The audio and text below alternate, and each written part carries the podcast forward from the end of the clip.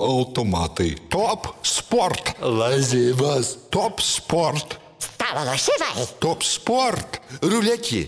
Top sport. Nesaikingas lošimas gali sukelti priklausomybę.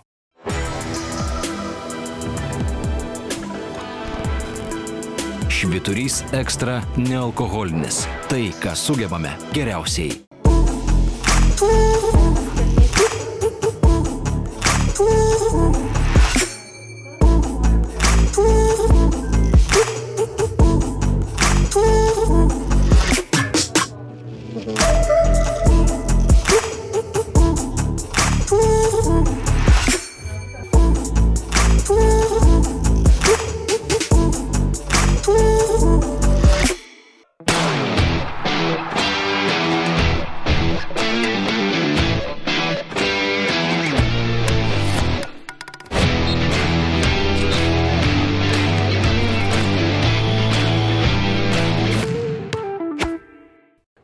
Sveiki visi mėly ir mylimi NBA fanai, su jumis laida apie nealkoholinį švyturio alų. e, Sporto ir laisvalokio prekes parduotuvėje sil.lt su nuolaidos kodu 315. Įsiminkite atskirai 315, nes šį kartą mes be ekrano. Ir apie NBA krepšinį dar šitą laidą taip pat yra. E, Jos pavadinimas yra Trigubas dublis, aš Jovaras Kanas, čia mano kolega Rytis Šniauskas. Sveiki, brang- brangus e, tautiečiai, labas Jovarai. Manau, reikia elgtis šį kartą truputėlį rimčiau, nes pasikeičiau komentarus po praėjusią mūsų laidą. Daug žmonių iškėlė teorijas, kad buvome intoksikuoti praėjusios laidos metu. E, Nežinau, kodėl taip e, atrodė. Nežinau, aš irgi man įdomu. Gal dėl to apšvietimo keisto, gal tiesiog daugiau nei prastai nusikalbėjom. Bet e, aš patikinsiu nuoširdžiai, nėra jokių šansų, kad mes čia penktadienį 5 val. susėdę būtumėm apsvaigę nuo kokių nors medžiagų, nes Jovaras būna tiesiai iš darbo, o manęs vakarė laukia Eurolyga. Jeigu jūs manot, kad aš girtas komentuoju Eurolygą, tai yra stiprus akmuo į mano daržą ir, nu jau tokia didelė kritika, su kuria net nežinau, kaip reikėtų tvarkytis. Mes tikrai nebuvome apsvaigę praėjusią savaitę laidos metu.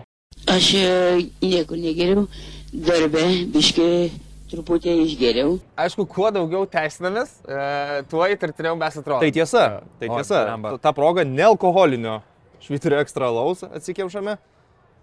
Sorry, ryti teko iš karto gerti nelaukiant susidaužimo, nes Mhm. putelė kilo į viršų. Ir Jo, e, žmonės kaip pastebėjo, komentuoja- turbūt truputį turime kitokį backgroundą. Taip. Nusprendėme šiek tiek pa- pakeisti savo a, lokaciją, nes a, pasitarėm po praėjusios laidos, kad jau kažkur yra mūsų kantrybės ribos, kiek mes galim toleruoti pro nugarą praeinančius, užkabinančius į kadrą iššokančius a, piliečius ir tai tikrai labai stipriai blaško ir kartais numušinėja mintį ir bandysim, eksperimentuosim, rasim optimalią poziciją ir galbūt šiandien laida gausis geresnė. Man labai patiko praėjusi laida, aš esu ją patenkintas. O man irgi visai patiko, nors aš ten gal e, toks piktas atėjau truputį, bet, bet ką žinau. Viskas gerai. Kaip aš šiandien, e, pradėjau, kalbant apie e, viskas gerai, bet kodėl gal atrodėm kaip apsvaigę. Ar vienas dar rašė, kad jo varas šiltas nuo penktadienio, tai dar Tai ir buvo penktadienis. Tai laidą filmuojam Ir netgi dar penktadienio, tik tai, kaip sakyt, vidur antros Jo. pusės pradžia. Jo, pop, popietė vėlyva, vėlyva popietė, ne? Po darbų. Jo, po darbų. Plius minus. Um, Tas kamščių metas vadinamas. E, Bet aišku, e, suprantu, kodėl galėjo, galėjo tai pasirodyti, nes tik paskui atkreipiau dėmesį, kad e, iš viso excitemento Stefą Karį palikau už e, visų šešių rungtynių ribų. Um, tai peržiūrėjęs, ką aš ten sudėliojau, Jo. e, dėja Diarnas Foksas e, krenta iš rezervų, į rezervus keliauja šiai Gildžas Aleksandris, o tiksliau į Wildcardus keliauja šiai Gildžas Jo. Aleksandris ir pirmasis nuo suolo rezervas yra O Stefas aš Karis. po dviejų, po to įvykusių rungtynių nuo mūsų laidos prikėliau Kairį Irvingą į savo Alstarą irgi, nes e, galvoju, gal nepelnytai mes jį vis dėlto pražiūrėjom ir palikom už borto, kaip rodo balsavimas, populiarumo konkursas, tai jisai net ir starteris yra Alstarų, kas man atrodo jau truputį per daug, bet, bet aš pri, pritariu ir mums kritikos e, parašiusiam Gedriui komentaruose, kad taip, Kairį Irvingas tikrai yra Alstaras ir visiškai to vertas ir dėl to jokių Ai, aš abejonių. pralai, pralaimintis krepšinis. E, Matėme čia šią naktį prieš ką, prieš Šarlotę berots, jie susi... Prieš Detroitą. Prieš Detroitą, va, prieš komandą, kuris stengiasi pralaimėti. Na, žinai, gali paimti blogiausią pavyzdį, gali paimti geriausią pavyzdį, Tiesa. net taip seniai buvo jo ten 40 taškų rungtynės, kuris traukė komandą, buvo rungtynė su labai stipria Filadelfija išvyko, kur apie jas gal pakalbėsim vėliau su gilesnėm detalėm, bet manau, kad tas pats Kary darė daug nuostabių dalykų, tai e, jo, gal gal tiek e, mūsų atsiprašymų ir išpažinčių po praėjusios savaitės epizodo. Ne, šiaip atsiprašyti neturim už ką, bet... Ne, neatsiprašyti, gal pasiaiškinti, pasitaisyti kai kur. Kur- e, A, Žodžiu. Bet, e, bet ir įspėt galim, jeigu atrodėme uh, gatovi praėjusią savaitę, tai dar kelis sikius e, šiais metais tikrai dar galim atrodyti gatovi, nes, e, nes nesuprantam, ką specifiško padarėm. Tai Lygiai po 3 valandų aš komentuoju Eurolygą. Tai jeigu busit žiūrėję penktadienį vakare Zvezda Partizaną ir šeštadienį ryte žiūrint laidą jums atrodys, kad aš esu neblaivus, tai greičiausiai aš tiesiog magiškai moku išsiblaivyti Aišku. prieš tiesioginį eterį. e, mes turime komentatorių, kurie turi 25 metų karjerą gatovi komentuodami galbūt. O. E, š- Turiu, turiu omeny be abejo apie e, kaip tas CSK legendinis trenerio sunus. Gominskis? Gomis prieš kiekvieną čempionatą pakomentuoja apie Lietuvą, ką nors. Um, tai va, e, bet jeigu, jo, jeigu jūs galvojate, tai tada kokio įspūdingumo rytis tikrai kaip komentatorius. Ne, šiaip, žinai ką, šiandien tokia man keista truputį diena, nes persimiegojau. Yra toks dalykas. Nežinau, ar patyrė tai gyvenime, bet persimiegojau ir tada skauda pusę galvos tiesiog. E, per ilgai miegojau, paprasčiausiai prieš pat laidą dabar šojau šaltos kolos, kas man yra geriausias galvos skausmo nuėmėjas, geriau nei visi citramonai ir, ir visi kiti. Tai žiūrėsim, gal kažkurio metu smok man tą kolą ir... Um, Išsivestų. vieną kitą sėkį yra tekę. Jo, persimiegojimas toksai įdomus dalykas, nes kai esi neišsimiegojęs, tai tau trūksta energijos, tu esi susierzinęs, tau ten norisi išgerti kavos, mažiau norisi kalbėti su žmonėmis ir panašiai. Kai esi persimiegojęs, aš sakyčiau, kad galbūt tada žmogus yra arčiausiai katino būsenos, Taip. kai tau tiesiog nesinori nieko daryti ir, ir taip jau persimiegoji, bet tu netgi tingi pasikelti iš tos lovos, pra, pramiegojęs tas beveik 11 valandų, bet mane truputį išjudino e, Dalaso su Phoenix'u rungtynės šios nakties, kurias įsijungiau ant įrašo. Ir, ir, ir manau, kad, Be Lukos esi. kad, kad taip, tai, Įro, tai yra... Įrodymas, kad rytis tikrai yra, na, au- aukojasi laidai.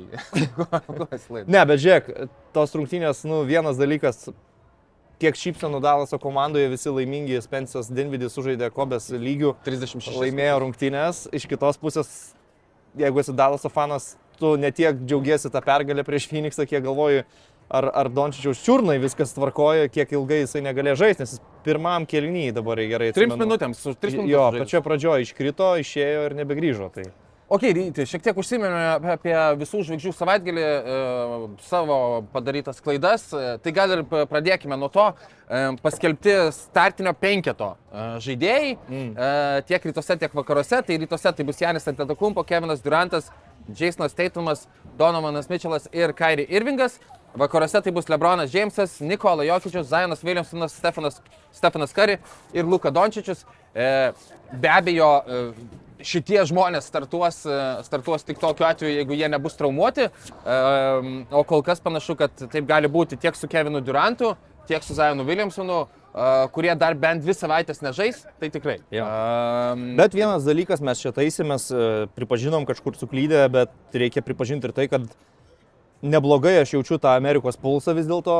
Vakarų startinį penketą užsimerkęs e, žinojau, Cigel, cigel. kaip, kaip balsuos e, amerikiečiai, kas pas juos yra populiarumo viršūnėse, tai nu, buvo neįmanoma, kad ne, neužbalsuotų už e, Lebroną ir Stefą.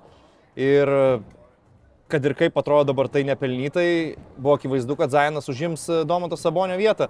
Neužteko medijos, e, žaidėjų balso, 50 procentų populiarumo balsai, vis tiek lėmė tai, kad Zainas išrinktas. Ar jis žais, dabar kaip ir ne, ne, ne visai aišku. Aš sekiau NBA on TNT, kai jie gyvai skelbė visus tos starterius. Tai įlyzdavau į komentarus, Twitter'į, Facebook'e, tai daug žmonių šiaip iš tikrųjų piktinosi, kad e, ką čia veikia tas Zainas, kodėl nedomantas ir apskritai ar tas Zainas bent planuoja pasirodyti rungtynėse. Ar jisai su tuo Louis Vuitton savo amerikietiško futbolo stiliaus maikutę ketina dalyvauti šventėje. E, Vasario 20 dieną visų žvaigždžių savaitgalis, e, jo pradžia. Nu ir matysime, trys savaitės dar iki to. Yra šansų, kad atsigaus, bet net ir atsigavus juo labiau, galbūt, jeigu bus toks ant klaustuko, tai kam ten eiti, žinai, jį vesti į tą aikštelę, kur jisai dar, nu, jeigu būtų svarbios rungtynės, jeigu... Bet žinai, jeigu jis pats nori atsižymėti, įsirašyti, kad sužaidė tos. Alstarus, tai gali ir žengti 8 minutėm. Būna tokių žaidėjų, kuriems tiesiog labai svarbu tas įrašas, kad jis buvo. Yra tokių žaidėjų, kuriems pilnai pakanka, kad juos išrinko. Ir paskui nebesuka savo galvos. Tai ne- neįlysi dabar į Zaino, jo vidų, ką jis galvoja apie šitą renginį. Bet aš manau, kad a, nedidelis skandalėlis vis tik yra rytų konferencijos penketas. Kodėl ryte? Nu, aš suprantu norą sutalpinti Teitumą, Janį ir Keidį ir suprantu, kiek tai yra svarbu žaidėjai lyga ir kaip juos myli fanai ir dėl jų įsijungia transliacijas, bet manau yra skandalinga neturėti Joel Embido rytų konferencijos startę.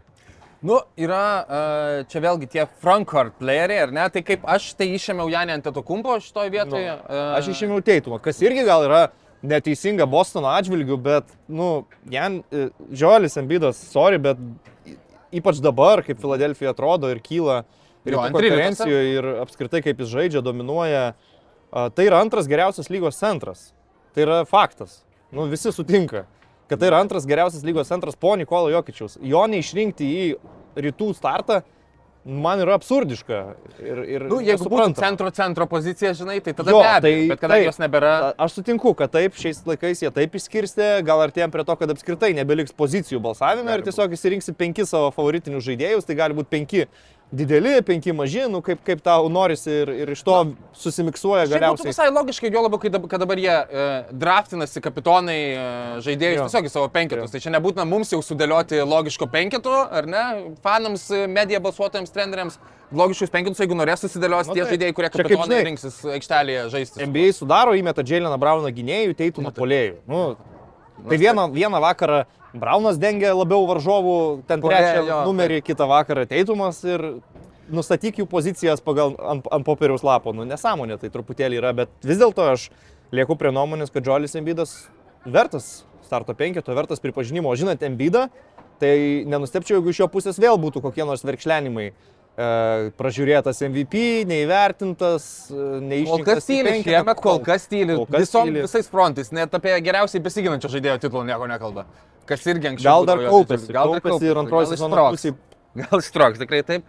Um, įdomi, įdomi nauja raukšlelė um, visų žvaigždžių savaitgalio metu. Komandas dabar ekipų kapitonai, Lebronas Džeimsas vakaruose, kaip netikėta, ir Janis Antetokumpo rytuose. Rinksis, kaip suprantu, iš esmės vos ne prieš pat e, rungtynes, ten gal e, 10-20 pusvalandis iki rungtynių. kieme. Kieme, jo, kaip kieme, grinai bus kieme. Um, kas gal visai smagu. Um, šiaip keista, kad e, man truputį keista, kad MBA kaip produktas atsisakė tos video transliacijos, kurią jie turėjo. Um, nes taip tiesiog, na, išskirstai per daugiau dienų visą šitą žmonių, e, žmonių dėmesio sutelkimo efektą į visų žvaigždžių savaitgalį. Dabar viskas bus tiesiog tą vieną vakarą. Tai tas yra kiek netikėta, bet mums kaip žiūrovams gal ir smagiau iš tikrųjų prieš pat rungtynės, kad jie rinksis. Nu, nežinomumo faktorius visada gal labiau skatina įsijungti tiesiog neterį, žinai. Bet kaip jie tada susižais ir derinius vienas kitus. Jo. Nu, čia jau specialistam bus didelis darbas, bet aš iš vienos pusės tai suprantu, nes, na, kai žiūri, jeigu žiūri tiesiogiai visų žvaigždžių rungtynės, o man pastaraisiais metais tekdavo jas ir komentuoti, tai tos procedūros iki rungtynių jos kartais nusibosta, užnisa taip faina, kai ateina komonas ir duoda gero repo. Visa kita, ten praėjusiais metais mes turėjom tą NBA 75 legendų paskelbimą, kas irgi buvo gražu, bet šiaip daug yra tų procedūrų, kurios atrodo tokias beprasmės, o dabar tu eini į transliaciją net nežinodamas uh, komandų.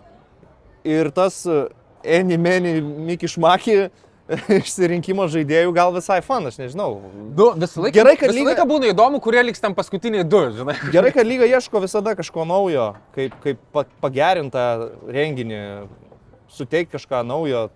Jo, likt paskutiniams, kai renk, renkasi tave, aš įsivaizduoju, kad tie žaidėjai, kuriuos paskutinis pasirenka, iš dalies gal ir pasijaučia kaip mes, būdami kieme vaikai, ir Tikrai kaip mus paskutinius pasirinkdavo į komandą. Nors vaikystėje manęs gal paskutinių nepasirinkdavo šiais laikais. Dabar ne, kaip visada kelių nebėra. kaip kraštutinę e, opciją pasirinks, jeigu, nu, žinai, yra aštuoni žaidėjai, vis tiek reikia žaisti keturi prieš keturis, vis tiek kažkam liks šitas klipata.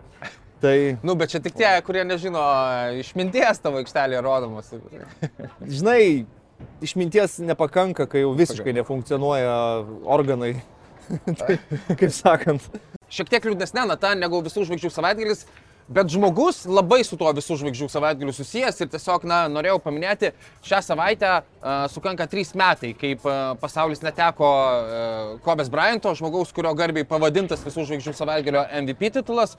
Uh, Kobė be abejo žuvo uh, Sraigtaspenio katastrofoje kartu su savo dukra ir dar septyniais žmonėmis prieš trejus metus. Asmeniškai man buvo didžiausias šokas, kokį esu patyręs e, mirus nepažįstamam visiškam žmogui ir jo labiau taip toli nuo manęs nutolusiam kaip Kobe Bryantas, bet e, jis buvo, e, yra mano mėgstamiausias visų laikų, visų laikų krepšininkas. Jam pasitraukus supratau, kad e, nifiga aš ne Los Angeles Lakers fanas, o aš buvau e, Kobės Bryanto fanas. Ir, Man tas pats buvo su Alessandro Del Piero ir Turino Juventus. ar ne? Kažkada paauglystėje, jaunystėje. Kai Aš- aš... galvojau, kad sirgau už Juventus, bet kai nebeliko Del Piero, supratau, kad tikrai nesirgau už Juventus. Aš, tarp kitko, šiek tiek su futbolu panašiai, tu žinai, kad gal na, futbolas mano gyvenime mažiau svarbus negu krepšinis, bet jaunystėje stebėjau jo daugiau ir turėjau e, Felipe Inzagę maikutę, nors tai man rodos tik- gal tik du sezonus e, Juventuse praleido, bet už tai buvau irgi kažkaip Juventuso fanas ir tada ir dėl Piero fanas pasidariau, bet paskui taip pat kaip nuvilnijo, taip nuvilnijo man jie visi.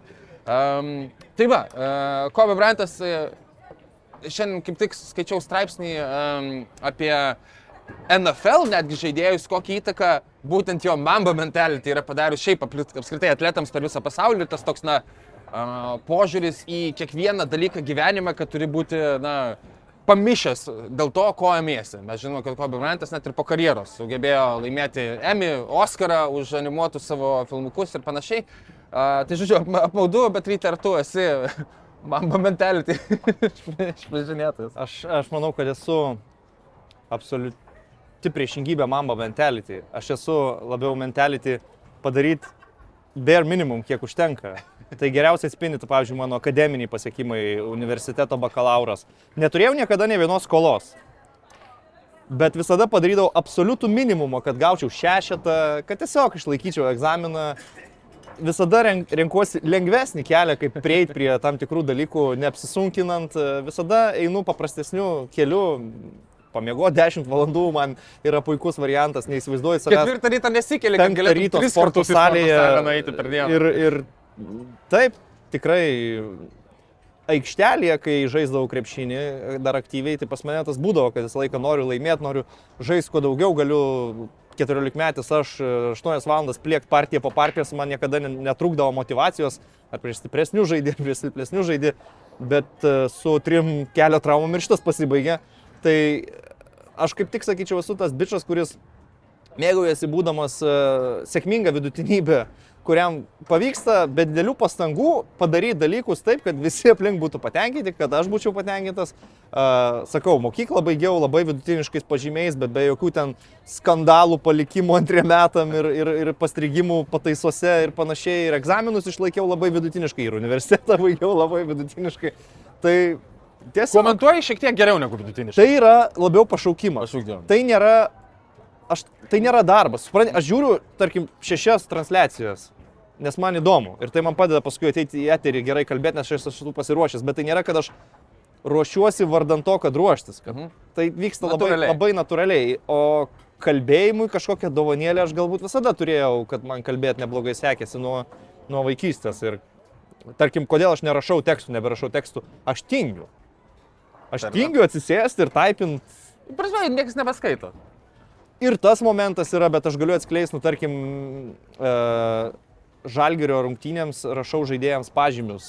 Atsimenu tos laikus, atsimenu tos laikus. Net čia dabar yra. Ai, tu dar rašai, basket news? 15 Ai, minučių. 15. Bet šitas procesas dabar vyksta truputį kitaip. Man Rokas Pakienas paskambina ir aš jam susakau, nes aš tingiu rašyti. Oi, pakienas, koks e, šis taks.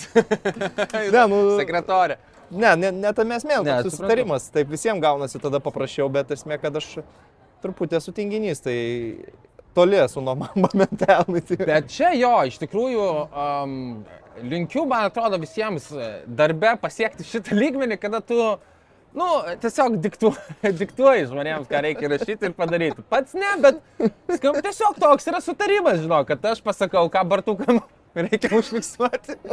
Ir jie padaro, nors niekas negali. Niekas negali, nieks negali pyk. Jo. Um, paskutinis klausimas, truputį grįžtant prie Kobės Bryanto. Uh, tavo kaip e, tų laikų bent jau Spurs fano, uh, keliai su Kobės Bryanto, Kobės Bryanto vedamais Lakers buvo nekarta persipinę. Kokia nors įdomiausia, įsimintiniausia serija galbūt yra arba skaudžiausia, arba kur tau smagiausia buvo nugalėti, be abejo, Kobe Bryantą dėl to. Vienareikšmiškai antr, antrų, trečių sezonas, kai buvo nupūsti tiesiog Filo Jacksono kary, kareivėliai. Ir paskutinėse uždarimo rungtynėse ten ėjo 30 ar 40 taškų blowoutas ir visi tie Derikai Fisheriai po rankšluošiais pasislėpė ant suolelio. Šimtų procentų mano mėgstamiausia šių komandų tarpusavio serija, bet aišku, Lakers, Lakers Spurs buvo tam tikras rivalry tuo laiku ir pats Kobė kalbėjo apie tai, kiek jis daug pagarbos jautė, žino Biliui Duncanui ir visai kapelai ir, ir manau, kad Gregas Popovičius tą patį pasakytų apie Philo Jacksono Lakerius su, su tu, iš pradžių su Šaku ir Kobė, vėliau tai buvo Pau ir Kobė. Tai buvo įspūdinga dinastija. Panašiai kaip man e, 2008 metų playoff ir nupūsti San Antonijo pasagėlės nuo vaizdo 4-1 e, su dar tarsi pusiau piketimu Dankonu, mano žino Bilis, Tony Parkeris dar vis dar pikė, tikriausiai um, buvo irgi smagu. Uh, gerai, ryti, uh, savaitės apžvalgelėje šiaip jau turime uh, sugrįžimų kupiną savaitę ir aš pilna žaidėjų grįžtančių po traumos, bet šiek tiek apie lietuvius. Um, Jonas Valančiūnas, kaip mes ir galėjome tikėtis, nedaug buvome užsiminę, bet ten nežaidžiant esminiams lyderiams, žaidžia visai, na, dominuojančią atkarpą, bėda yra tame, kad tai nelabai išsiverčia į pergalės Naujojo Orleano Pelikans ekipoje, kuri šiuo metu yra pralošusi šešias rungtynes iš eilės. Tiesa, vis dar kažkokiu stebuklingu būdu sugeba būti ketvirti e, vakarų konferencijoje. Brendanas Ingramas šią savaitę sugrįžo. E, tiesa, tai atrodė labai jau aprūdėjęs, bet um, na, tai yra labai sėkmingai, labai lauktas tikrai žaidėjas, nebijotinai ir labai svarbus žaidėjas Nauriojano Pelikans ekipai. E, tai šitą norėjau paminėti ir kalbant apie, na, netokius sėkmingus pasirodymus. Sacramento Kings gera šešių pergalių e, iš eilės serija pasibaigė. Um, ir e, vienas prastesnių, jeigu ne prašiausias sezono rungtynės, e, sužaidė Domantas Sabonis, nutrūko jo 23 trigubų dublių iš eilės serija. Dvigubų gal? E, Dvigubą, atsiprašau, be abejo. Bliamo 23 trigubai iš eilės jau būtų. Viskas, kad girtas laidą vedu. Būtų istorija. E, Ir e, devyni prarasti kamuoliai per 35 minutės rungtynėse su Toronto Raptors.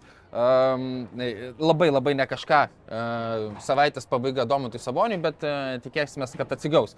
Um, tai ryti apie sugrįžimus arba apie Filadelfijos ir Brooklyno Nets uh, ekipą ir dar vieną uh, Beno Simonso sugrįžimą į Filadelfiją. Tokius sugrįžimus galime mm. kalbėti. Nuo ko nori pradėti? Gal apie, apie rungtynės? Jo, Filadelfijai buvo labai smagios rungtynės su labai gera atmosfera, ne tik e, sirgalių atžvilgių į Beną Simonsą, bet ir Joelis Embidas, akivaizdžiai, buvo labai piktas, užsipumpavę šitoms rungtynėms.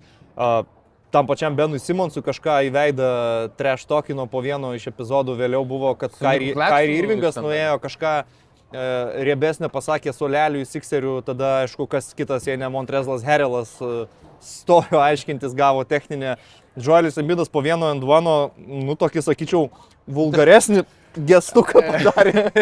ne, kaip pasakė Doris, Doris Bark, sako, aš neketinu. Aš atsisakau interpretuoti aš irgi šitą veiksmą. Nors ne, mes laidoje galėtume, bet nevertai. A, tai tikrai buvo gana karštos rungtynės, bet aš sakyčiau ir Brooklynui pagarba, nes jie be Kevino Duranto laikėsi iki pat galo visada atsilikinėdami, bet laikėsi rungtynėse dėl Kairį puikaus žaidimo, dėl Seto Kari, super sudėtingų, svarbių metimų, kur Dokas Riversas po rungtynių kalbėjo, kad, na, kaip žinom, Setas Kari su Doko Riverso dukra, ar jie susituokė, ar jie deitina, susituokė turbūt jo, ir Dokas Riversas sakė, kad aš ketinau aplankyti juos, bet dabar taip pykstu ant seto, kad jis taip gerai prieš mus žaidė, kad rimtai galvočiau jį atjungti ir, ir turbūt susilaikysiu nuo to vizito. Tai su šiais vaikinais, su Niko Klakstono didelė energija ir sakyčiau, kad su trečio kelnių metu kažkokio sportinio pykčio atradusiu Benu Simonsu laikėsi rungtynės, nes Benas Simonsas visą mačą buvo kaip, kaip ir gynyboje daro savo užduotis, absoliučiai jokios įtakos nedaro polimui, visa Filadelfija ant jo šika, jisai savo vidiniam pasaulyje. Besibaigiant antram kelniui, jisai nebeturėjo kur dėtis, varėsi kamuolį iki kitos aikštės pusės ir pelnė du taškus su pražangi. Ir man rodos, šitas jau buvo kertinis, kad ai, nes tada trečio, kaip tu ir sakai, pradėjo žymiai agresyviau, aktyviau. Pražangos nebuvo, ten buvo blogas švilpukas, bet anyway, trečiam kelnys išeina, pradėjo dešinę ranką mėtyti puskablius, susimeta du baudų metimus, ramiai atsistojęs prie linijos ir, nu, sužaidžia pakankamai gerą atkarpą puolime, parodydamas, kad galbūt jo per daug ne, nestresuoja visas tas šurmulys aplinkui, nors čia gal tik tai viena atkarpa, kai jam pavyko. Galų gale rungtynės baigė su minusiškiausiu, pliusų minusų komandoje, minus 16. Jo, bet reikia suspras, kad Filadelfija kai Brooklynas yra be keidį, rungtynės vyksta Filadelfijoje, akivaizdu, kad Sixers yra geresnė komanda.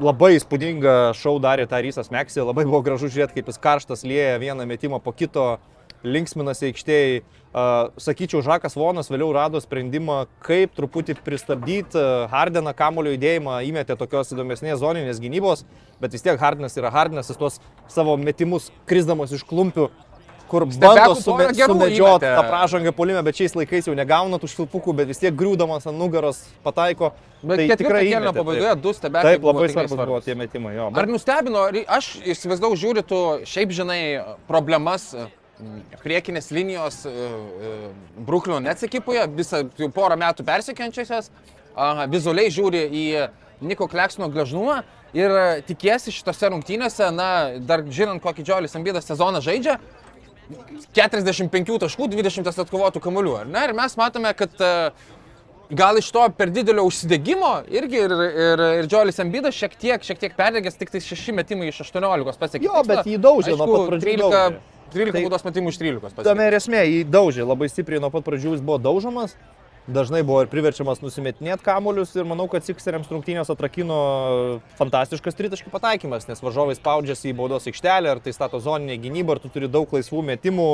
E, Tairysas Meksi, užmesiu akį į statistiką, susimetė 6 iš 9 tritaškius. Viso 18, Hardinas, 38. Hardinas 5 iš 10, Meltonas 3 iš 6.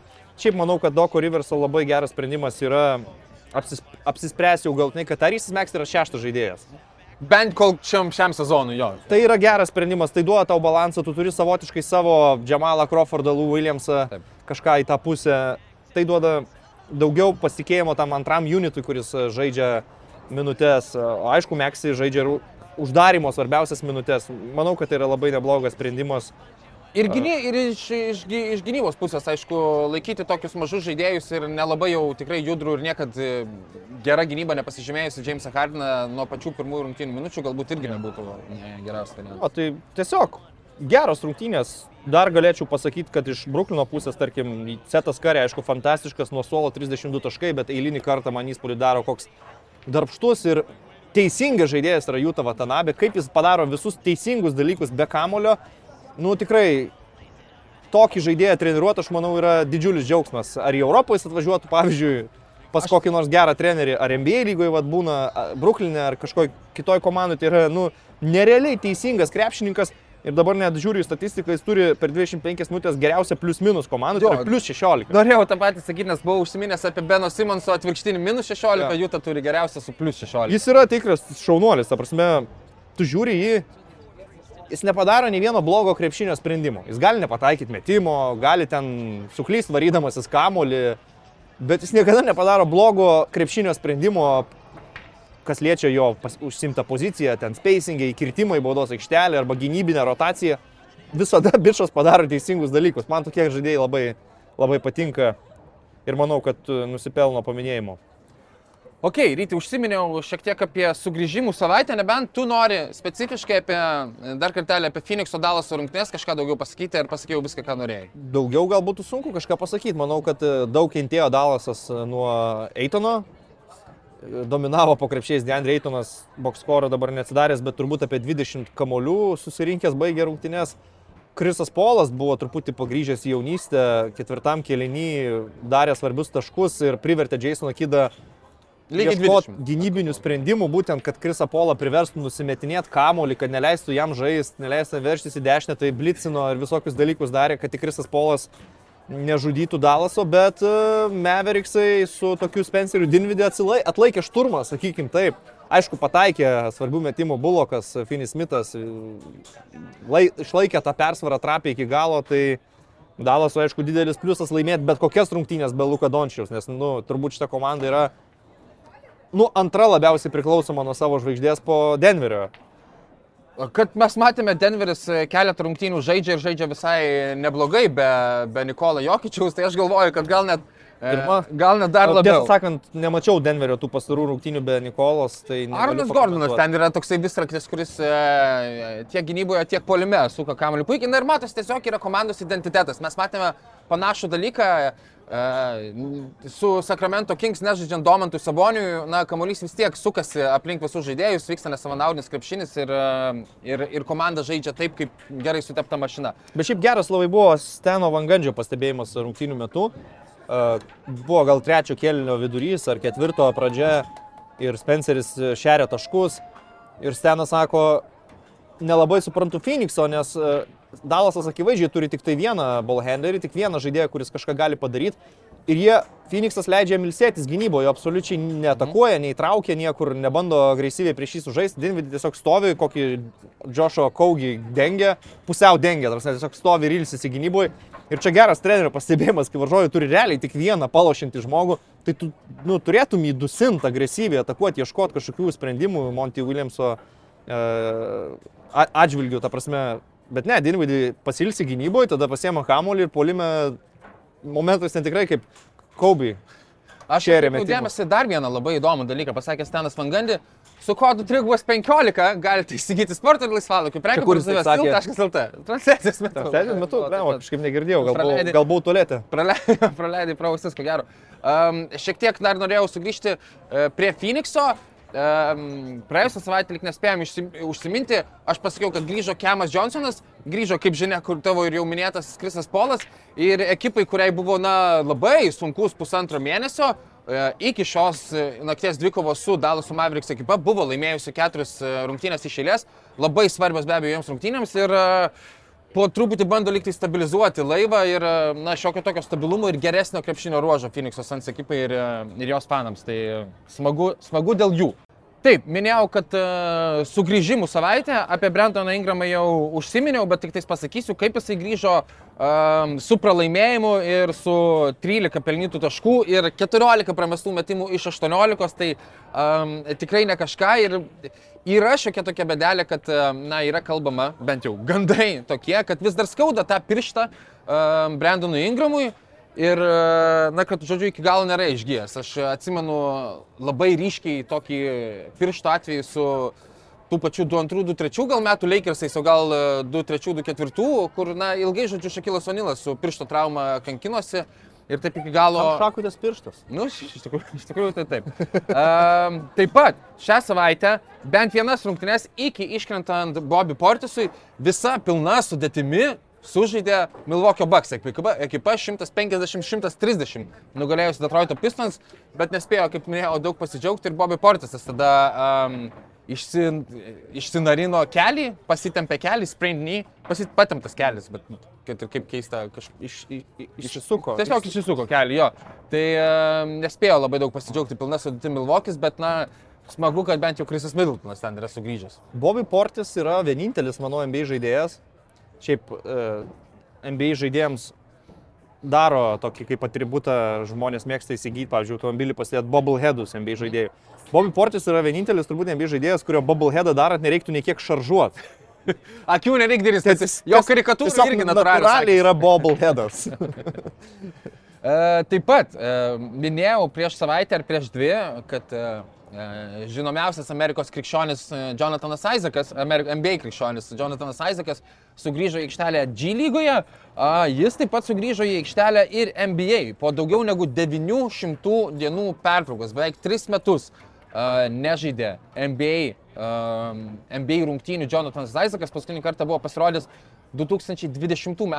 NBA atkrintamosiose ir žaidė 10 minučių, pelnė 10 taškų, įmetė 2 tritaškius, 2 kamuolius perėmė. a, Na ir aš esu jau minėjęs apie šiaip žmogaus talentą ir atletinius gebėjimus ir to, kas dieva, ką, Dievas davė ilgas rankas, ilgą kūną, jeigu jisai pasiektų bent 8-5 procentus savo potencialo, tai būtų na, labai labai puikus gynybinis visraktis, gebantis pataikyti iš toli Orlando Magic ekipai. Taip pat uh, sugrįžimų savaitę pratęsant, Anthony Davisas sugrįžo, uh, Los Angeles Lakers laimėjo, Davisas kilo nuo suolo, planas yra, kad dar visą šią savaitę, ateinančią savaitę turėtų kilti nuo suolo, uh, taip šiek tiek prižiūrint ir žiūrint, kaip, reaguoja, kaip jo reaguoja kūnas į minutės. Spėjo pelnyti 21 tašką, atkovoti 12 kamuolių, 4 blokai per 26 minutės nuo Jie suolo. Prieš spars skudurų žaidė. Prieš par skudurus jo. Okay. sugebėjo. Pats, pats, pats tinkiausias važiavas sugrįžti ir gerai, gerai pasijaust. Ir aišku, e, skaičiausi tik tais apie rungtynes. Trečiam kelnė Anton Davisas vėl sugebėjo nukristi, sunkiai kilti nuo grindų, nuščiuvo visa Los Andželo arena, bet jisai, kaip sakant, sugrįžo, buvo sveikas. E, Los Andželas šiuo metu 13 vakarų konferencijoje, 23 pergalės, 26 pralaimėjimai. E, Nieko naujo nepasakysiu, Anton Davisas jiems reikalingas.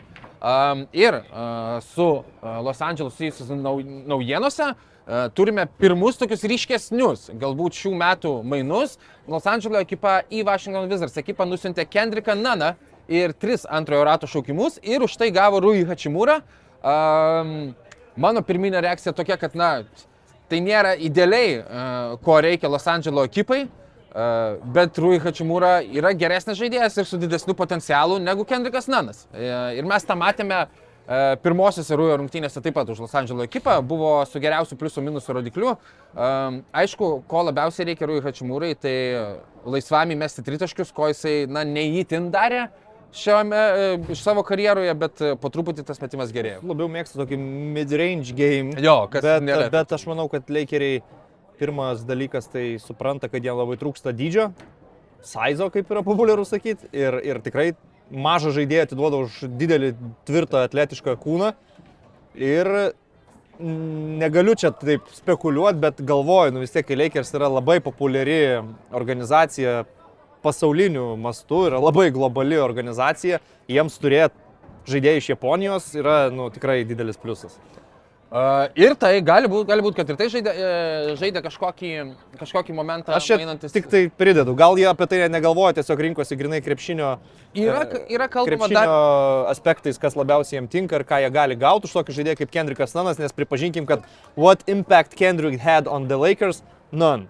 Oh! Tai Bravo, Rytis. nors pasirašytas buvo Kendrickas Nanas, jei atsimeni. Jo, kaip bus- žaidėjas, kuris čia patems, pa, pavaldys kamolį, bus metikas Miami'e, ten kažką blikstelėjo, taip, taip, tai Ken- turėjo. Kendrikas Nanas, priminsiu, buvo žaidėjas, kuris e, Miami Heat gretose ten pirmą savo sezoną pelnydavo po 17 gal taškų ir Taip. aiškino, kad turi laimėti geriausių naujoko titulą Paskui bur, burbulė buvo Erikos Polstras nubrauktas iš rotacijos absoliučiai, nes Goranas Dragičius dominavo. Bet šiaip tai, kai taip žaidžia Šrioderis, kai Vesbrukas yra susitaikęs su šešto žaidėjo vaidmeniu ir neblogai atrodo pastaruoju metu, tokiam Kendrikui Nanui nelabai yra vietos ir aš matau logikos pasim geriau universalų krašto polėją, kas, koks yra Rui Hačimūra. Vis tiek, kai dar vienas jamas daug žaidžia mažais penketais, tai Rui turės ten savo vaidmenį, Na, mainai šiaip tikrai į pliusą be abejo Los Andželo komandai. ir- Atidavė ten šaukimus 3 antro Tris antro rato, rato bet tai. Lakers ne, ne ta organizacija, kuri per draftą turi tikslą statyti komandą, tai jiem antro rato šaukimai yra kaip, nežinau, tualetinis Monopolio popierius. pinigai. Tualetinis monopolio pinigai, jo geras palyginimas. Uh, tai va, o Washington Wizards ekipa tuo tarpu ilgai buvo kalbama, kad na, jie yra susikoncentravę į Kailo Kuzmos išlaikymą, žaidėjas, kuris nominaliai turėtų daugmaž slankioti per tas pačias pozicijas, per kurias ir jaunas dar Rui Hačimūras slankioja. Jo. Ir na, tiesiog taip signalizuoja, kad visas dėmesys ir bus Kailo Kuzmo išlaikymui, kad ir kaip Kailas pats sako, kad gal nelabai nori Washington likti, bet, e, nu, matome, kad e, gal pinigai padarys savo, vienai par kitaip. Uh, dar, tai, reikia kažką pasakyti. Apie su, sugrįžimų temą, Mm, jeigu taip. tu dar vis apie sugrįžimus kalbėjai. Tai tu uždaryk sugrįžimų temą. Yra dar vienas, manau, gan didelis sugrįžimas, apie kurį gal kol kas daug nekalbame, bet manau reikia vis labiau kalbėti. LA Clippers are back. Ai, taip, tikrai taip. LA Reikia Clippers are back. reikia- Žiūrėjau jų rungtynės su Dalas, žiūrėjau Los Andželo tą derbį, vadinkime, europietišką terminologiją. Uh, Seniai čia rimta komanda. Jie gali laimėti žiedus. Aš nejuokauju. Nu, ta prasme, bet mes daug, jau keturis metus. Jo, bet jie dabar tikrai grįžo ir pradėjo žaisti. Mes jau keturis metus, aišku, sakome, kad Los Andželo ekipa, bet viskas. Bet aš dabar visiškai rimtai. Ta Tai aš tikiu, kad rimtai. Žiūrėk, Kawai žaidžia, Polas Džordžas žaidžia, minučių niekas neberiboja, žaidžia fantastiškai, yra labai didelė komanda, prieš tą jų didį leikeriai absoliučiai nieko negalėjo padaryti. Lebronas ten buvo jos patraukęs ir buvo pusiau grįžę ketvirtam kelnį, bet greitai juos nuplovė tritaškių banga. Ir, nu, blemba, jie viską, visus instrumentus turi. Ir kai Kawai su Džordžu pradėjo žaisti, Džordžas tas pats rungtinių sako, mes tikimės, kad dabar jau žaisim, antrą sezono pusę žaisim visi, be jokių apribojimų ir, ir turim labai didelių tikslų šį sezoną ir tu žiūri juos tiek prieš Dalasą, kai ant Luka Dončius buvo užmesta labai gera gynyba, tiek prieš Lakers. Nu, jie prieš Lakers jau pastaruoju metu visada laimi, bet kokios sudėties. Jo, kažkaip taip gaunasi. Kai Tyronas Lū perėmė 220 Clippers vairą, Lakers Visada nebuvo laimėjęs. Nesvarbu kokios sudėties, Taip. bet laimi, jo. Taip. Ir žiūri jų galimą tą gynybinį potencialą, kur yra jų gynybinės lubos. Ir matai tą polimo talentą ir kokių jie žaidėjų turi aplink Kawhi Leonard ir Paulą Džordžą. Aš manau, jie yra visiškai realūs kontenderiai į čempionų žiedus. Taip, galima jokaut, memint kiek tik tai nori, a, bet tai čia Clippers, vis tiek Kawhi gaus traumą ir, ir nežais.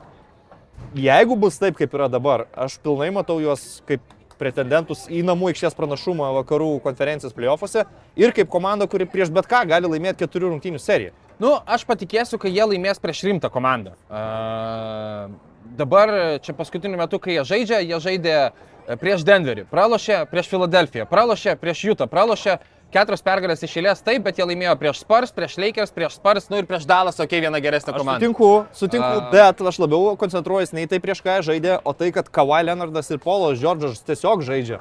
Tai yra taip, bet man, tai, e, e, sakau, patik, patikėsiu ir palaikysiu tave e, dar stipriau, bet šiaip jau, man atrodo, jiems gal net svarbiau, e, matosi ir pagal šiaip polimo ir gynybos reitingą, net e, Kavajų Leonardui, Polui Džordžui praleidžiant daug rungtynių, tai Rono Lu ekipa vis tiek 8 lygui pagal gynybos reitingą, mes tą turime, mes tą galime. Didesnis netgi buksavimas buvo su polimu, jie 22 pagal polimo reitingą. Ir vat, paskutinės keletą rungtynių, aišku, uh, parodo ir tą poliminį potencialą. Tik tais aš grįžtu, kad aš norėčiau pamatyti tą poliminį potencialą ne prieš uh, prastesnės ten lygos gynybas. Garantuoju, kad pamatysi. Nu tai va. Artimiausiu metu jau Bet šiaip, pamatysi. kad verta tikrai dėmesio, vertas dėmesio sugrįžimas ir kad penktoje vietoje esantis e, Los Angeles Clippers um, tikrai turi savų intencijų aplenkti tos pačius Pelicans arba Sacramento Kings vakarų konferenciją, o gal net kopti ir dar aukščiau į Jo. antrą, pirmą vietas. Šiaip E, Tu tai gali patikėti, kad Los Angeles derbyje Clippers pataikė 19 tritaškių iš 38, Lakers 16 iš 40. Mes turim situaciją, tai mes turim situaciją, kai dvi komandos iš to paties miesto tarpusavio rungtynėse pataikė 35 tritaškius.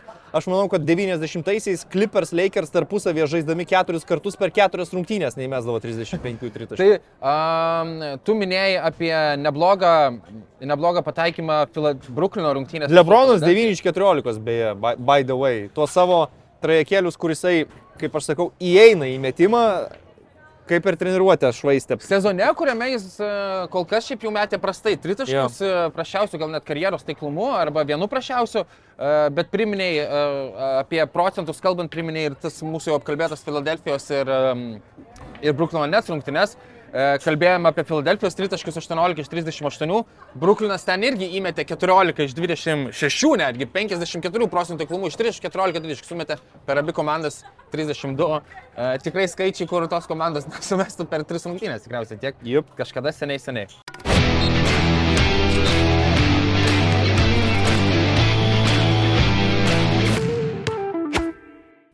Labas, čia Lukas SLT, sveikinuosi šiandien su jumis iš SLT parduotuvės, kuri yra įsikūrusi Kaune.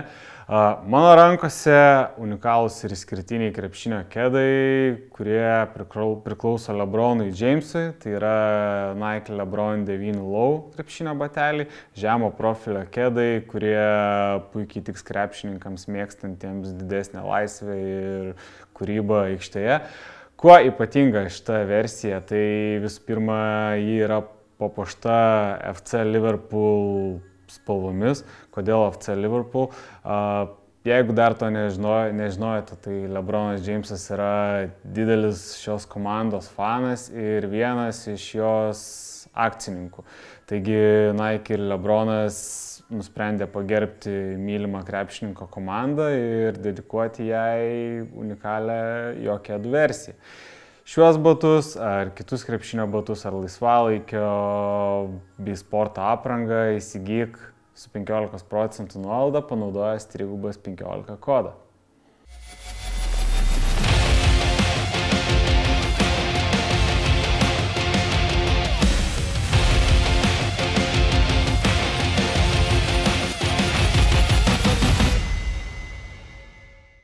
Top Sport.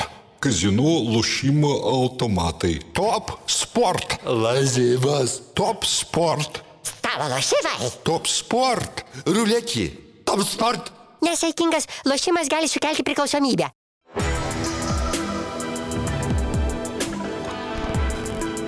Šviturys ekstra nealkoholinis. Tai, ką sugebame geriausiai.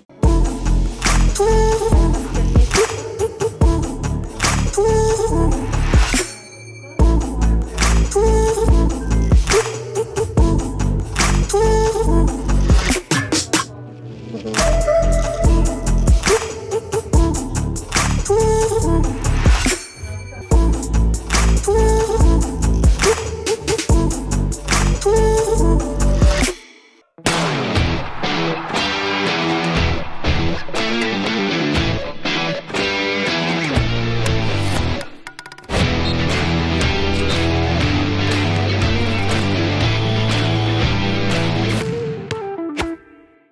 Pakalbėjome apie sugrįžimus, pakalbėkime apie iškritimus. Uh, Stevenas Adamsas uh, trim, penkiom savaitėm iškrito iš reikiuotės uh, su savo išsuktų, išsuktų keliu iš uh, Memphis Grizzlies, aišku, ekipos. Um, stiprus ir svarbus be abejo žaidėjas, ypatingai priklausomai nuo matšapo Memphis ir, na, 3-5 savaitės uh, sezonui artėjant prie pabaigos. Um, nu, gal prie pabaigos artėjant čia yra per, per stiprus išreiškimas, bet persiritus tikrai į antrą pusę. Um, bus svarbus praradimas Memphis, norinčiam tikriausiai išlaikyti antrą vietą vakarų konferencijoje, bent jau, jeigu nekilti, jeigu nekilti į pirmą. Ir kol kas Memphis taip pat, kaip ir mūsų e, minėti Pelikans, kuriems nelabai sekasi, keturias rungtynės išėlės pralašė. Um, Pelikanai šešias, e, Memphis ne kažką irgi einasi. Ir Memphis, um, na pavyzdžiui, e, kaip gerai pastebėjo viename iš mano klausimų podcastų, Uh, parodė, kad vis dar yra jauna komanda, pavyzdžiui, rungtynėse su Los Angeles Lakers. Tai rungtynės visiškai laimėtos, kurias, kurias galų gale paleidžia Memphio, Memphio jaunimas. Ir ten Denisas Šreuderis paskutinėm akimirkom perėmė kamuolį, pelno du taškus su pražanga ir, ir Los Angeles ten visas euforija ir panašiai, bet tiesiog tai buvo rungtynės, kurias paleido per savo jaunatviškumą ir jaunatvišką energiją, kai galėjo pabaigę sužaisti ko gero pratingiau. Um, keletą išskirtinių pasirodymų turėjome, kaip visą laiką, kas savaitę daug maž turime, tai tik tais norėjau paminėti. Daimonas Lildas per 60 taškų atkovo 7 kamelius ir atliko 8 rezultatyvius perdavimus.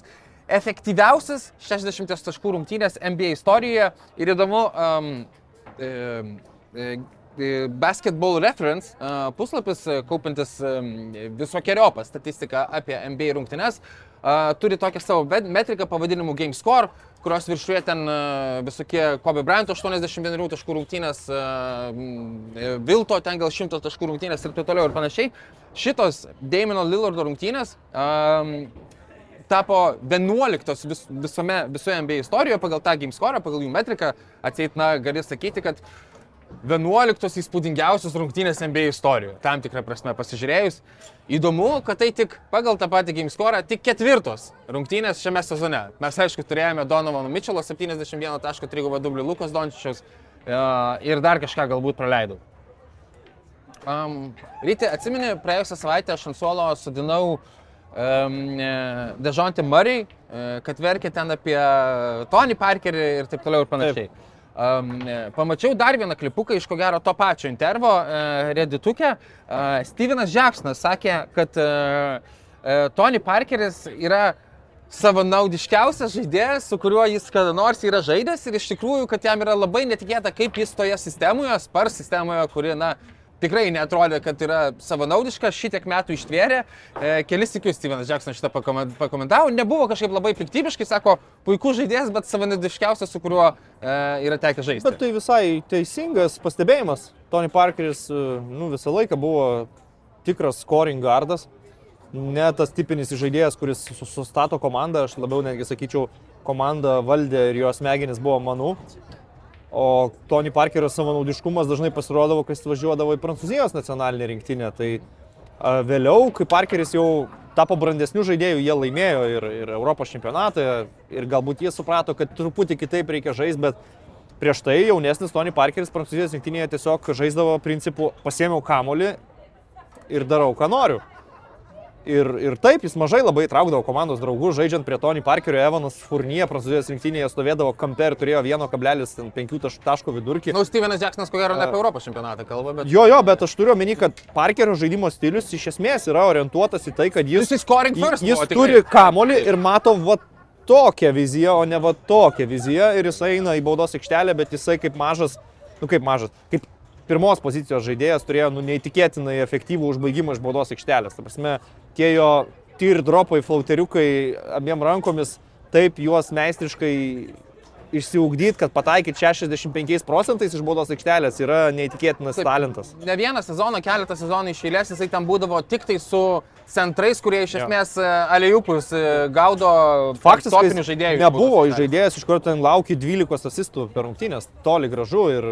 Nu, bet jis labai pataikė su era, manau, kad šio laikinė NBA Tony Parkerio karjerą, jeigu peržaistum, jam labai akivaizdžiai trūktų gero metimo iš, iš toli.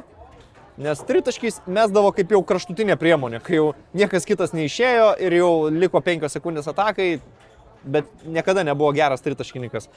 O tam laikmečiu NBA jis labai daug darydavo savo greičių, savo verpstę, įsiveržimais į baudos aikštelę. Koks nors dabartinis žaidėjas e, primena tau nors kiek, Tony. Labai specifinis šiaip Tony Parkeris žaidėjas. Labai, man, negali aš sakyti, kad vienas greitas man Tony Parkeris. truputį Jailenas Bransonas, bet jis vis tiek yra šio laikiškesnė versija. Su tuo užsibaigimu tokiu. Įeina į baudos aikštelę, užsimetinėja žmogų ant nugaros, ieško kaip užsibaigti iš 3 metrų vieną ranką. Aišku, kairė rankės, Tonis dešinė rankės čia detalė irgi, bet e, žaidimo stiliumi, tais tokiais sulėtėjų, pagreitėjų, kažkiek gal panašu, bet iš esmės gana unikalų žaidimo stilių turėjo to TP.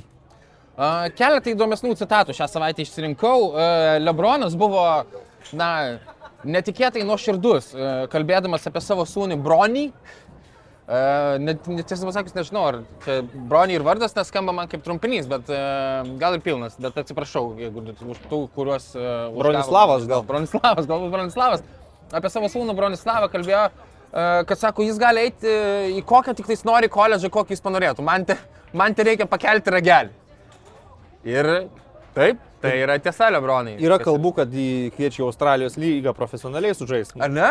Nu, kaip Lamelo bolas ėjo irgi to keliu, kad O, wow, nebuvo. iš profesionalų lygos į O, NBA tai Aš nežinau, ar tu, tu tikriausiai nebūsi labiau už mane domėjęs. Jisai turi du tuos sūnus. Vienas yra darbiškai jaunesnis, ten gal 15 metų. Ir aš nežinau, kuris yra laikomas, e, tale, kažkuris yra talentingesnis. E, ne, nieko nežinau. Pasakykite mums komentaruose, kuris iš. Lebrono sūnų turi didesnį Socia- potencialą būti gerų esu žaidėjų. matęs tik tai Bronį Jameso epizodų, kai ir te, te, tėvukas ateina pasirgti ir ten E, griebėsi už galvos, reikia, ploja. Kita citata ir šiaip situacija, kurią norėčiau atkreipdėmėsi, mes irgi esame nekartą apie tokius dalykus šnekėję. Um, šią savaitę, ar, jo, ar praėjusios savaitės pabaigoje, gal ten šeštadienį, sekmadienį buvo tos rungtynės uh, Golden State Warriors, ekipa žaidė Cleveland'e. Ir laimėjo tas rungtynes, bet ilsino iš esmės visą savo startinį penketą, jeigu neklystu, ar bent jau keturis iš jo, didieji, didieji vardai, visi Klejus, Thompsonas, Stefas Curry, Dreymondas Greenas, um, ir Andrew Bigginsas berots irgi nežaidė. Um, ir, ir, ir Steve'as Keras tiesiog sako, aš labai apgailestauju, bet tokios yra, uh, apgailestauju dėl fanų, atsiprašau jų, bet tokios yra žaidimo realijos ir uh, tik tais dar kartą noriu pakartoti, kad uh, 72 rungtynės, uh, jo nuomonė, būtų idealiausias variantas NBA lygai. Aš manau, kad dar mažiau, bet 72 jau būtų teisingas pokytis į tą pusę. E, Bet čia šitoje vietoje, tarp kitko, ryti, e, geras segvėjus man net pačiam netikėtai. Aišku, tai yra susijęs su traumų managementu ir mes praėjusią savaitę irgi šnekėjome apie e, traumų managementą. Tu kalbėjai ir apie e, samokslo teoriją kažkokią ten. A, ne, apie tai mautas čia turėjai, bet žodžiu, apie tai, kad e, žaidėjai daugiau traumuojasi. Ir e, įdomus, įdomi mintis Baxteris Holmesas, tuo metu, man atrodo, tuo metu ESPN žurnalistas, o dabar gal Bleacher Reportis ir rašo, aš atsiprašau, jeigu suklysiu, jūs galite surasti jo 2019 metų istoriją apie tai, kaip e, gydytojai ir treneriai komentuoja apie dabartinius jaunuosius NBA žaidėjus ir taip, kaip jaunimo lygos, tai yra mokyklinės lygos, juos nuvaro e, iki, iki maksimo irgi. Ir dėl to jie sako, kad mes turime dabar tokią traumų epidemiją, kadangi apkrovas žaidžiant tose uh, marsiečių ir tarp mokyklinių at, atitikmenyse Amerikoje ir visuose paskui, žinai, McDonald's All American, dar visokie turnyrai, Nike ten Jordan Classic Invitational ir visi tokie ir panašus, kad tai būtent na, tuos keliukus, sanarius ir visakis tą nudildina iki tokio lygio, kad mes paskui matome, kad atėjus į NBA lygą, kur krūviai dar didesni, šaibom ir išeina viskas. Tai tiesiog norėjau tą paminėti, nes mums labai tema apie tai, apie ką aš nekėjau. Uh, Ostino Riverso šią savaitę paklausė, kas yra, prieš ką yra sunkiausia gintis NBA lygoje. Uh, kaip galvoju, ką jis atsakė? Aš manau, kad Ostinui Riversui tai prieš visus e, būdavo sunku gintis, bet e, atsakė gal Jamesą Hardiną. Atsakė apie Stepą um, ir sakė, kad uh, nėra net nieko panašaus NBA lygoje.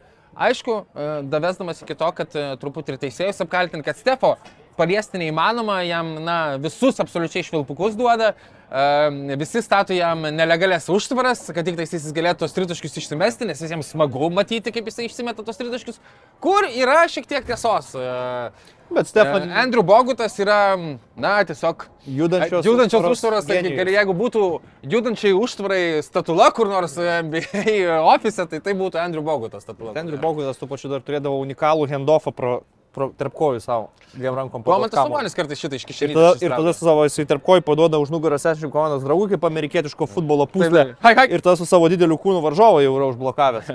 O Stefas tai, nu, jo vis tiek ta pagrindinė savybė, kad jis niekada neišsijungia iš žaidimo, kai kiti žaidėjai, tarkim, Mhm. veržiasi į baudos aikštelę, nusimeta į kampą ir tada jie jau sustoja.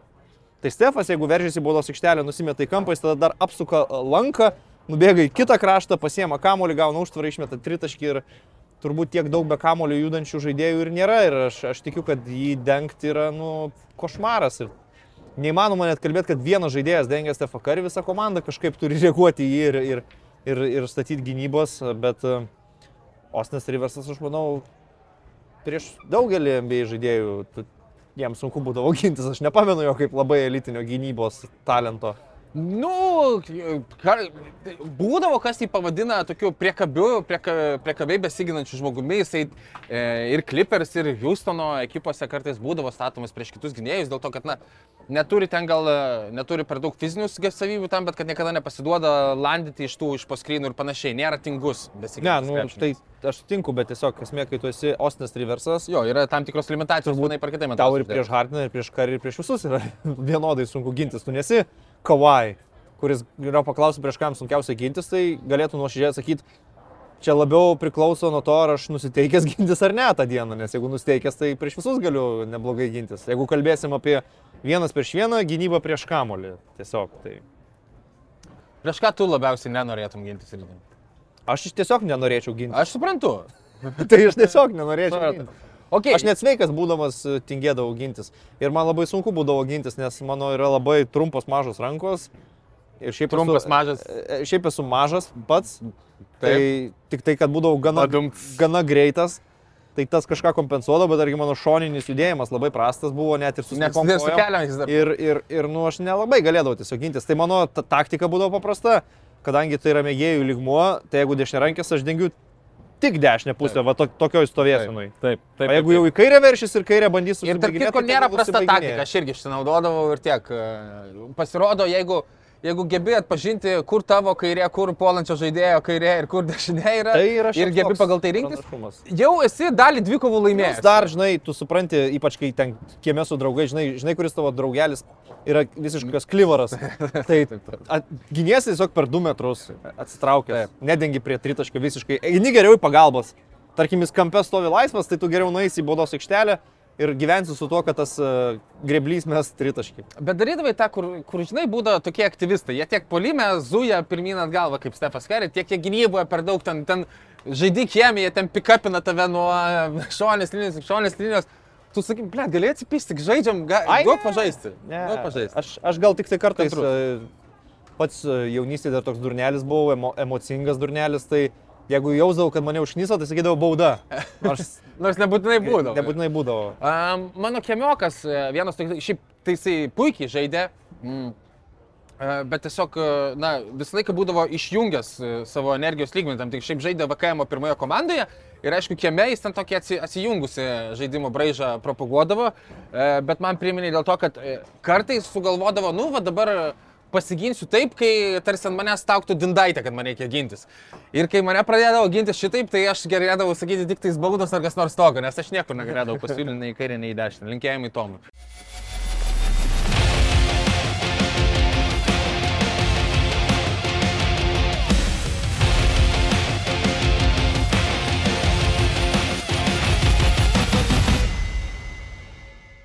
Top sport. Kazinų lošimo automatai. Top sport. Lazivas. Top sport. Stalo lošimai. Top sport. Ruletį. Top sport. Nesaikingas lošimas gali sukelti priklausomybę.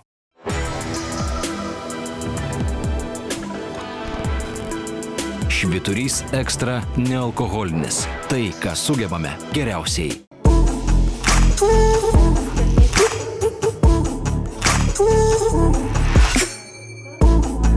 Thank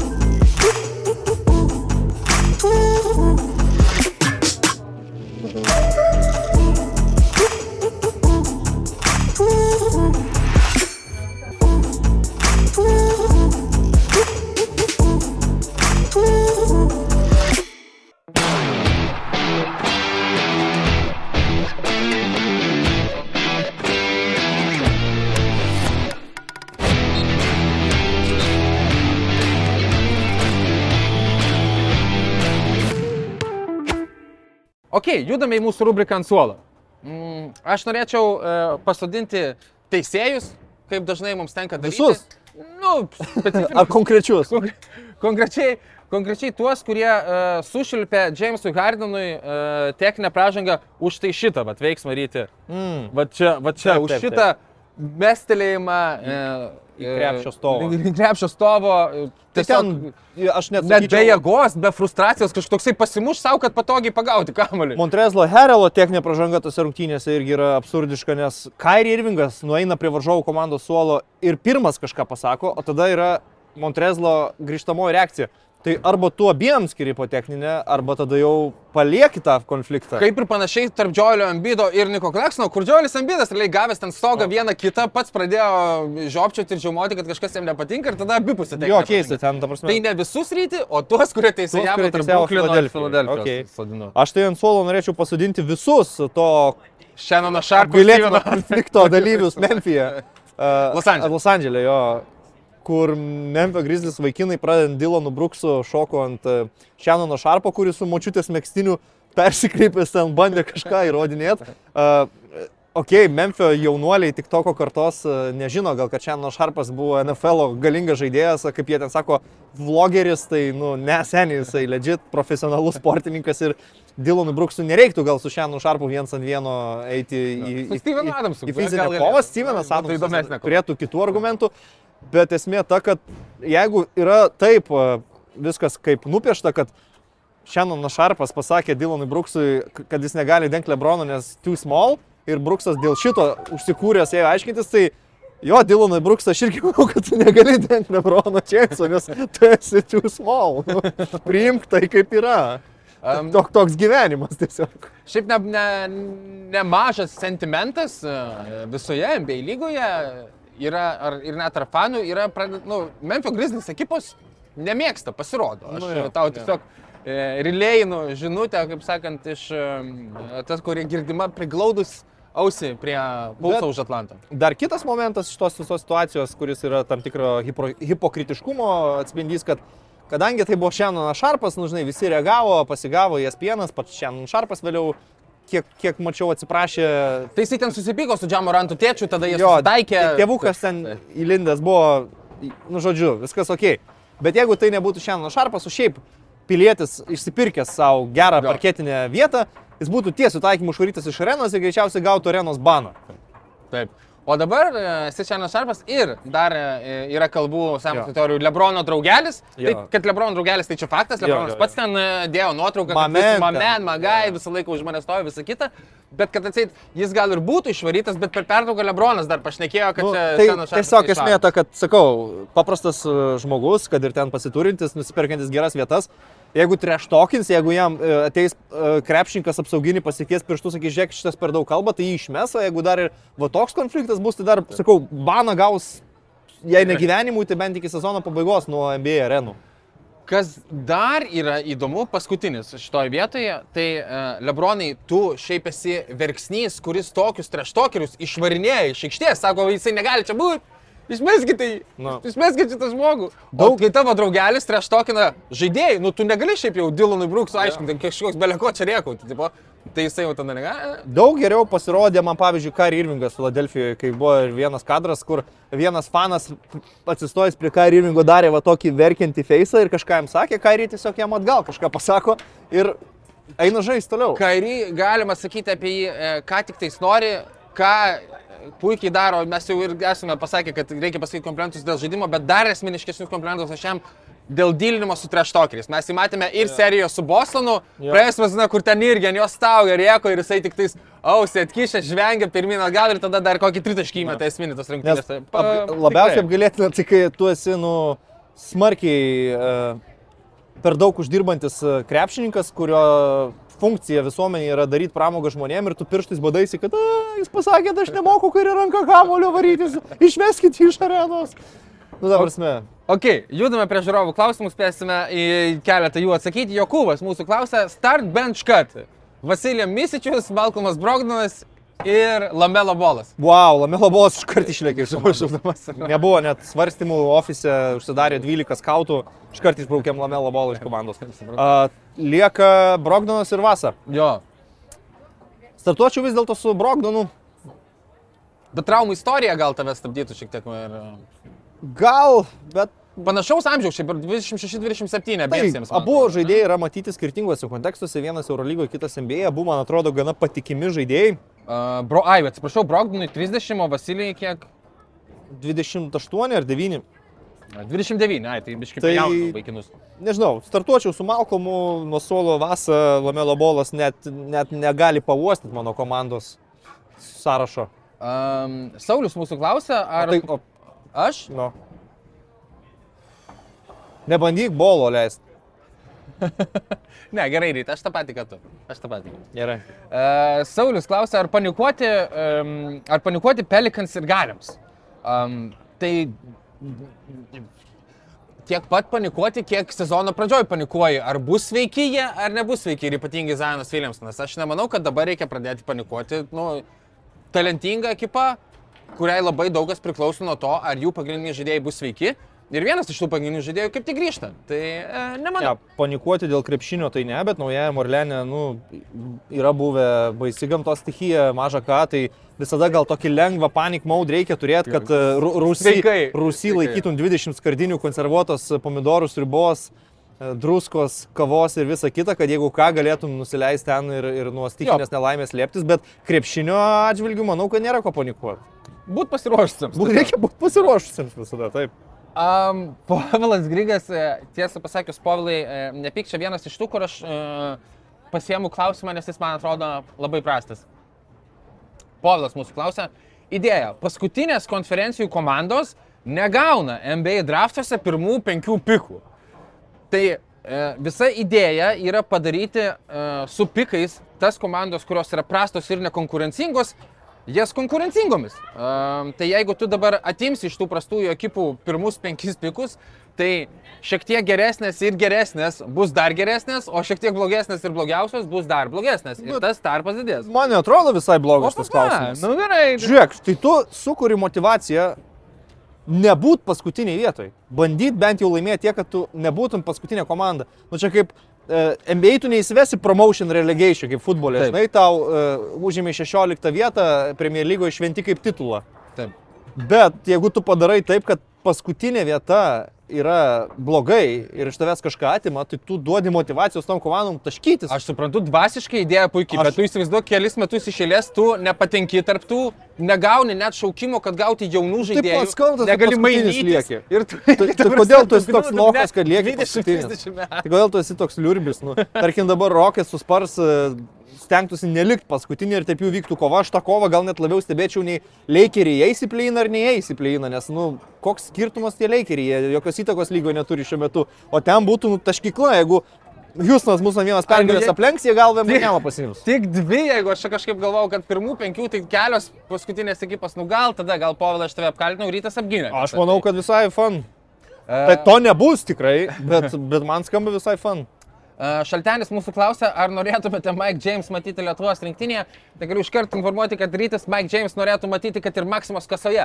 Kuo daugiau Mike Jameso ryčio gyvenime. Maksimas kasoje jis nežai, nežaistų turbūt krepšinio, Nu, bet vis tiek smagu būtų. krepšinio kontekste visada norėčiau matyti Mike James ir Lietuvos rinktinėje, taip pat nesupykčiau, bet greičiausiai, kad Lietuva su tuo nesusigyventų, komandos su tuo nesusigyventų, treneris su tuo nesusigyventų ir gerų rezultatų tai gal ir mums neduotų, tai tik tai duotų man asmeninės pramogos šiek tiek. Bet žaidėjas yra superinis. Tai kaip sakė Andrėja Trinkierė, man labai patiko interviu su Donatu Urbanu Baskio Newsam, jo paklausė, ką jūs kaip treneris darytumėte, jeigu gautumėte tokį žaidėją kaip Alenas Iversonas. Trinkierė sako, visų pirma, žaidėjas kaip Alenas Iversonas tau kaip treneriui neturi būti problema, tai turi būti iššūkis ir galimybė. Man atrodo, čia yra teisingiausias požiūris. Nes labai lengva paimti gerą, talentingą žaidėją, kuris gal turi charakterio problemų ir jį nurašyti tiesiog iš šiukšlių dėžę. Ai, sunkus charakteris, tai mums tokio ne- Savanaudis, mums- nu, savanaudis, tai mums su nereikia. O tada kažkoks geras treneris su kiaušais šito žaidėjo padaro taip, kad nu, jisai veda komandą iki finalų ir, ir taip toliau. Ir galim pasimti, kaip tas pastrinkėris su Vaidu Baldvinu vos Eurolygos Final Four neišėjo. O paskui nueina Baldvinas į kitą komandą ir sako, jezau, koks begalvis, čia neįmanoma su juo žaisti. Bišas turi talento, tikrai mokėt nu jį truputį atrakinti kažkaip ir įkvėpti, nuteikti, nežinau. Šitą įkvepiančią natą mes šios savaitės trigubą dublį ir baigėme. Ačiū Jums, kad žiūrėjote, ačiū, kad siuntėte klausimus. E, Pirkite švitro alkoholinį alų. Padugnuojam gal Padugnuojam e, sport ir laisvalokio prekes su kodu 315. Iki. O, tokį. Let's go. O tokį pieno geriau nusų lieka tau? Ar negeriu Negeriu pieno. A, nu tada. Iškirp tada šitą. Top sport. Kazinų lošimo automatai. Top sport. Lazivas. Top sport. Stalo lošimai. Top sport. Ruletį. Top sport. Nesveikingas lošimas gali sukelti priklausomybę.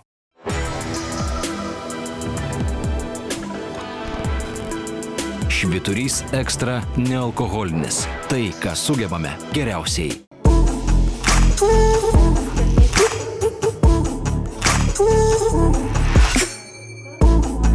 Ooh.